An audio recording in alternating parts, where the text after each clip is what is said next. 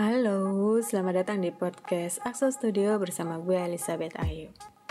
Di sini gue akan bahas tentang implementasi nilai Pancasila di ruang digital dalam rangka Makin Cakap Digital Challenge yang diselenggarakan oleh Kementerian Komunikasi dan Informatika bersama Sipil Kreasi dan Pabrik Suara Rakyat. Podcast ini dibuat tahun 2021 di mana semua orang sudah paham banget nih perkembangan digital yang semakin hari semakin agak meresahkan. Kenapa meresahkan? Karena segala sesuatu dapat diakses hanya di depan gadget atau komputer laptop. Komunikasi jarak jauh di mana kita dengan mudahnya dapat bertatap muka secara virtual, sekalipun berbeda negara. Nah, di manakah meresahkannya?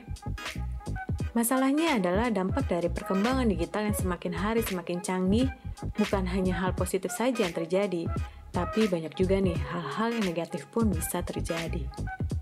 Dengan kondisi seperti ini, maka dari itu penting banget nih untuk adanya literasi digital. Nah, literasi digital itu apa sih? Literasi digital adalah pengetahuan dan kecakapan untuk menggunakan media digital, alat-alat komunikasi, atau jaringan dalam menemukan, mengevaluasi, menggunakan, membuat informasi, dan memanfaatkannya secara sehat, bijak, cerdas, cermat, tepat, dan patuh hukum dalam rangka membina komunikasi dan interaksi dalam kehidupan sehari-hari. Kenapa kita harus aware nih terhadap literasi digital? Karena menurut Sekjen APJII, pengguna internet Indonesia diperkirakan sebanyak 196,7 juta di tahun 2019 dengan total populasi Indonesia tahun 2019 berjumlah 266,9 juta. Jadi dapat kita simpulkan bahwa kita semua ada di satu ruang yang sama nih, yaitu ruang digital. Di mana semua orang memiliki akses digital dan kita sulit untuk membatasinya. Terlalu luas. Nah, peran kita nih sebagai orang-orang yang paham betul bahwa pengaruh digitalisasi ini dapat berdampak cukup jauh. Harus ada sesuatu yang kita lakukan untuk mengurangi dampak negatif dari digitalisasi ini. Mungkin ada beberapa yang mengetahui ada peperangan digital antara netizen-netizen beberapa negara. Pembulian pun sekarang bisa antar negara. Hanya cukup lewat ruang digital ini. Bahaya banget gak sih? hanya sekedar komen di platform digital dapat mempengaruhi kondisi mental orang lain, bahkan bisa sampai menyerang pemerintahan sebuah negara. Di podcast kali ini, gue akan mencoba membuat sebuah taktik bagaimana kita bisa menimbulkan nilai Pancasila di ruang digital yang semakin hari semakin banyak orang yang bebas untuk berpendapat. Sebenarnya memang bebas kita untuk berpendapat, tapi tidak semua pendapat adalah bijak untuk disampaikan secara terbuka. Bukan berpendapatnya yang salah, tapi isi dari pendapat itu sendiri yang bisa menjadi senjata yang tajam untuk melukai orang lain, bahkan bisa menjadi bumerang untuk menyakiti diri sendiri. Mungkin ada beberapa orang di antara kita yang tidak suka menunjukkan sisi hidupnya di dalam sosial media, karena dia melihat banyak sisi negatif yang terjadi.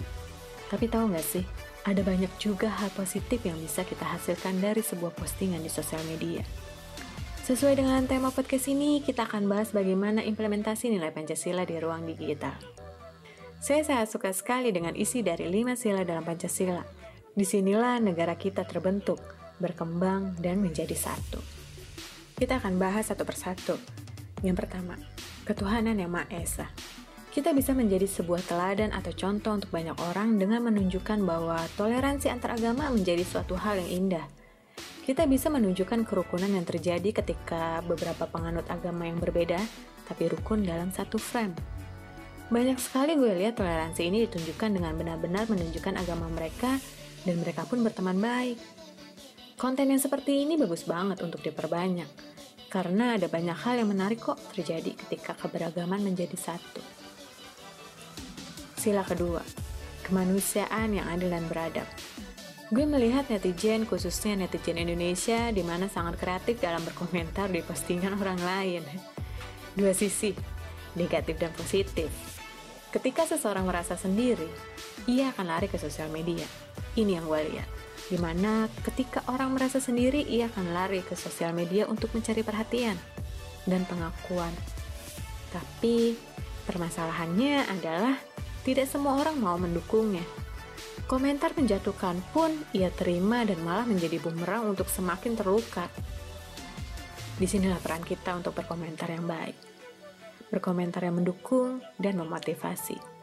Gue pernah melihat ada orang yang merasa sedih dan memposting dirinya menangis di sebuah platform sosial media. Di dalam komentarnya terdapat banyak hal yang mensupport dia, namun tidak sedikit juga yang menghujat. Sebenarnya di sini gue cukup merasa kasihan karena si orang ini sedang sedih. Dia nggak punya tempat untuk meluapkan emosi sedihnya. Dia lari ke sosial media. Tapi di sosial media dia tidak sepenuhnya dapat dukungan. Memang ada yang mendukung, tapi banyak juga yang menghujat. Seperti, ngapain sih lebay banget nangis ditunjukin? Nah, kondisi yang seperti inilah kita harus peka bahwa ada orang-orang yang butuh disupport dan memanusiakan manusia. Ayo guys, kita membiasakan diri untuk berkomentar positif dan suportif ke orang-orang yang seperti ini. Karena setiap kita pasti punya masalah kan. Dan cara penyelesaiannya pun berbeda-beda. Ayo kita saling bantu.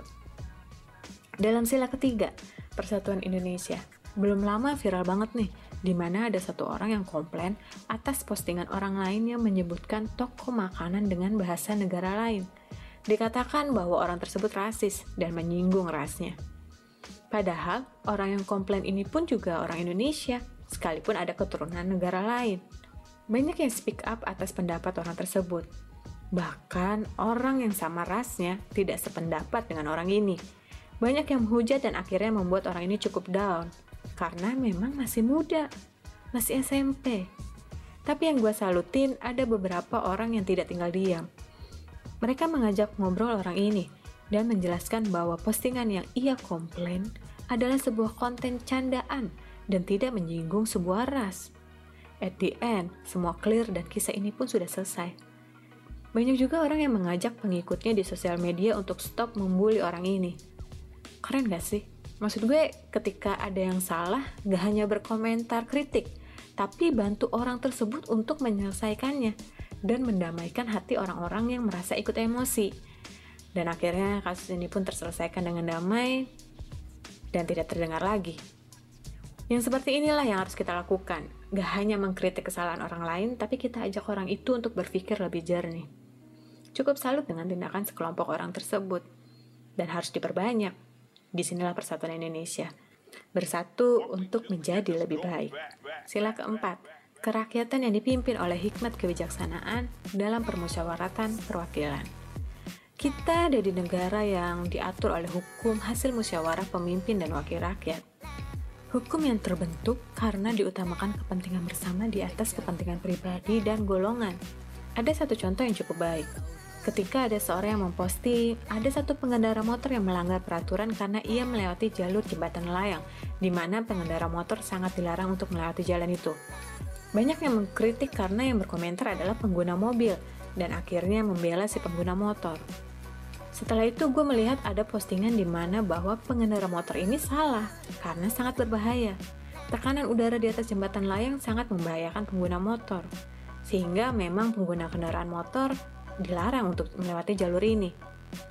Penting banget untuk kita menyebarkan pengetahuan yang sepertinya memang tidak banyak orang yang tahu. Peraturan ada bukan untuk dilanggar, tapi untuk dipatuhi. Karena memang peraturan dibuat untuk menjaga kita. Kita akan bahas sila terakhir, sila kelima. Keadilan sosial bagi seluruh rakyat Indonesia. Ada satu kisah yang cukup gue ingat, saat itu ada seorang anak muda yang kurang mampu dalam finansial. Ia membuat sebuah konten dan ada seseorang yang berkomentar bahwa rumahnya kok kayu. Ya, memang kondisi rumahnya cukup memprihatinkan. Karena terbuat dari kayu dan sepertinya kayunya pun tidak cukup kuat untuk bertahan lama. Tapi respon dari seorang pemuda yang dikritik ini sangat bagus. Ia bangga bahwa rumahnya terbuat dari kayu. Bahkan ketika ia membuat konten, ia menggunakan tripod buatan sendiri dan terbuat dari kayu. Responnya sangat bagus, tapi masih ada aja loh yang menghujatnya. Merasa kalau respon anak muda ini adalah untuk meminta dikasihani. Terlepas dari itu, tidak sedikit para selebriti dan influencer yang mensupport anak muda ini dalam berkarya. Banyak sumbangan barang dan uang yang ia terima. Respon yang sangat bagus dari orang-orang yang mau membantu anak muda ini untuk semakin lagi berkarya. Mungkin anak muda ini tidak cukup punya banyak uang untuk membeli alat-alat dalam berkarya, tapi dengan alat seadanya, dia mampu membuat orang-orang mensupport dia dalam beberapa hal. Dukungan kita untuk orang-orang yang kekurangan inilah perlu kita tingkatkan.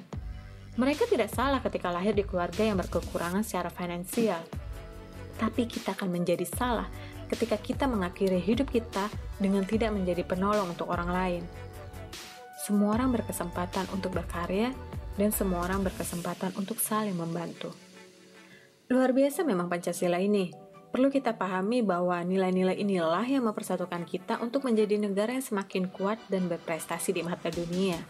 Ayo, kita gunakan kesempatan yang luar biasa ini di dalam ruang digital untuk menjadi dampak yang berarti terhadap orang-orang terdekat bahkan sampai ke ujung dunia.